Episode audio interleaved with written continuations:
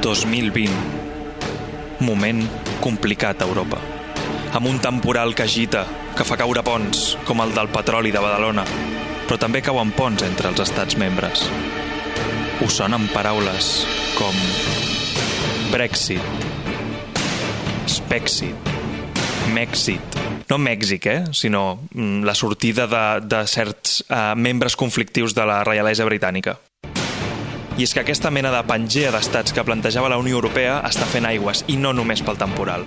Una Europa que tant ha donat l'esquena a una crisi molt forta de refugiats com que ha estès la mà al brot de partits d'ultradreta. Un tema meva amb els tribunals espanyols i europeus pel gran tema que ens ocupa a la nostra terra, el procés. Perquè Europa ens mira? Al contrari del que diria el nostre amic i oient del programa, Frederick Nietzsche, potser seria una mica més tirant a mirem Europa, però Europa no ens torna la mirada amb tots aquests ponts caiguts, aquestes um, relacions troncades, potser necessitem uns sandbridges que reconstrueixi la Unió, com passava en l'últim videojoc d'Hideo Kojima, Dead Stranding. Però no patiu, que els catalans ja hem fet un gran pas per rebaixar aquestes tensions.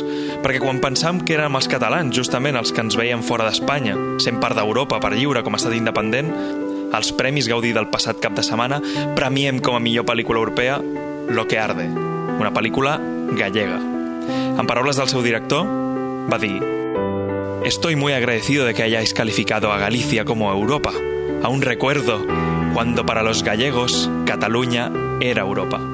Ai, la otredad, que un gran savi.